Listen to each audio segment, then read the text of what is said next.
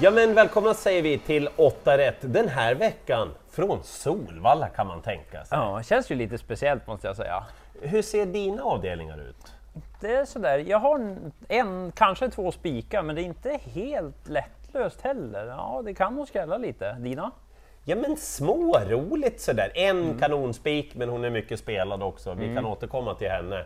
Eh, vad gäller underlaget, ja vi får väl se. Det ska regna lite under onsdagen såg jag. Men mestadels då på eftermiddagen, lite mindre fram på kvällen. Ja, precis. Så vi får hålla lite koll där. Som vanligt. Nu kör vi! V86 eh, första avdelning, roligt lopp det här. Ett tilläggslopp där ja, man kan säga bronsdivisionen möter lite silver-guldhästar sådär. Ja. Jäkla kul alltså! ja, och en stor favorit har du.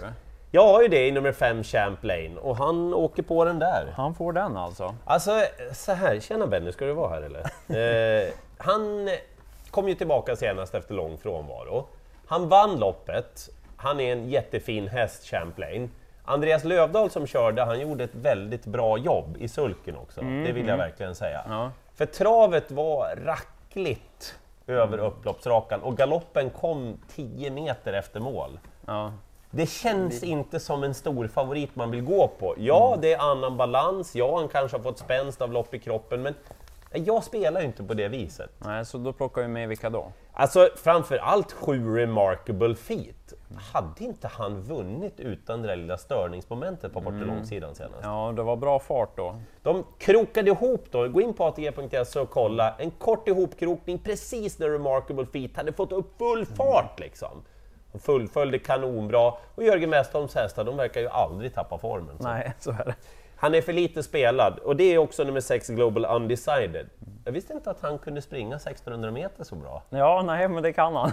Han mötte Double Exposure, Diamanten senast. Vad skulle han göra från det där utgångsläget? Lite småkul nu när det inte är så många hästar att runda. Det är ju så få hästar med i loppet. Ja, han tål att göra jobb också. Så jag förordar gardering på Champlain och glöm då inte de där två bakom som jag har nämnt, men det kan krävas fler.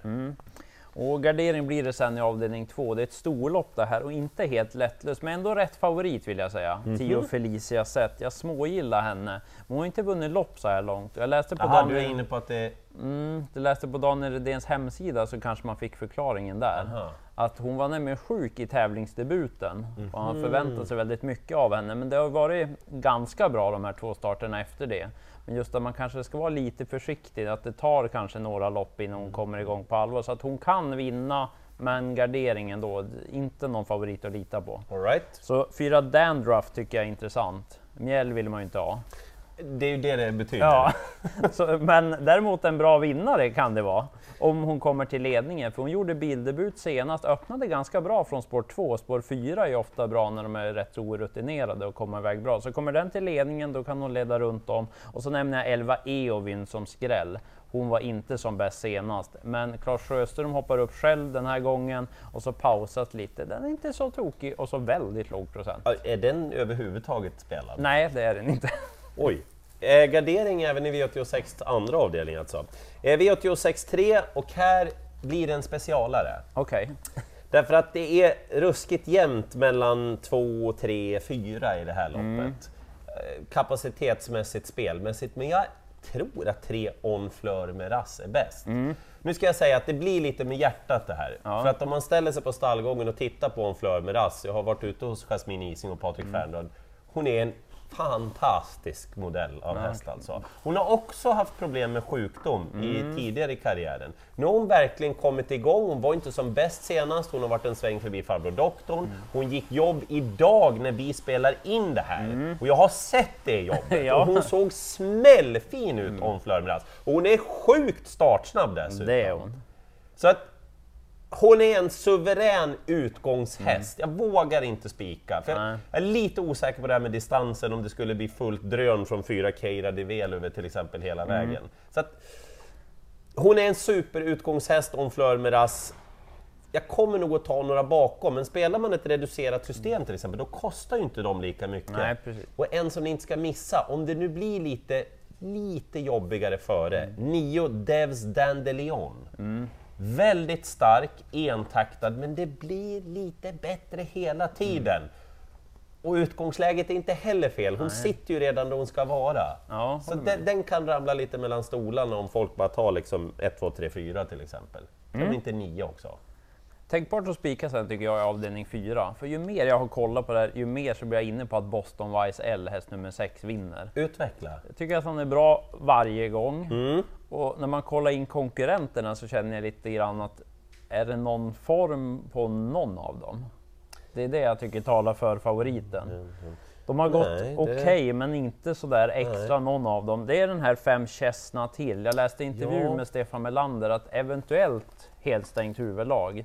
Blir det det är ju den spännande, för det har ju varit öppet huvudlag. Men som sagt, ingen riktig form sådär på någon, men det är en fin häst den där Chesna till. Så att det är den bakom, men ja, jag är inne på att spika Boston Wise L, men vi får kolla senaste nytt där. Så du vill veta huvudlaget innan du Ja. hamrar i? Precis, annars kanske jag tar två.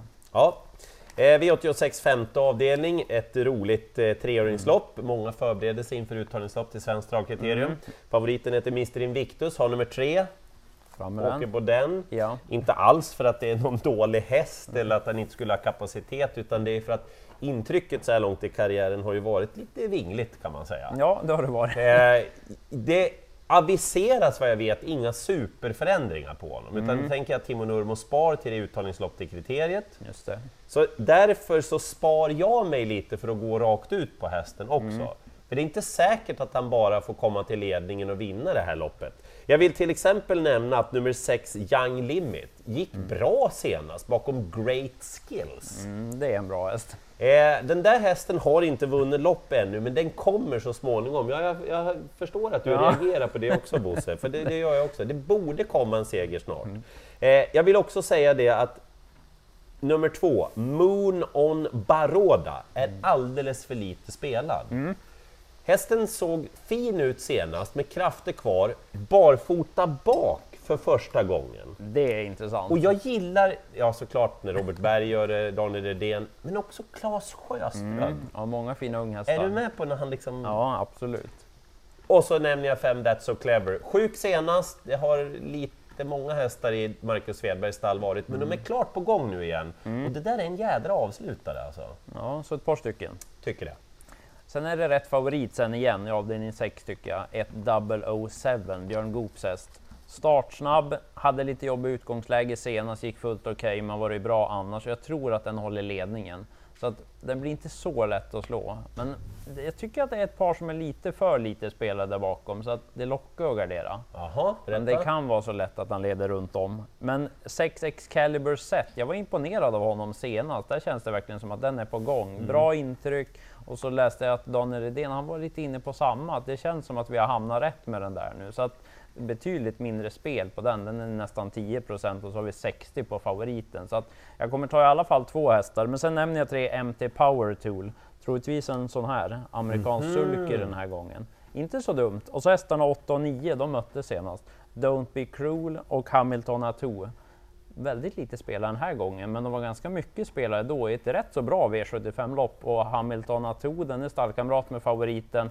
Nästan 1-2 procent mot 60, det skiljer lite väl mycket. Det var lite skevt kanske. Ja, så jag tar några, men det är rätt favorit.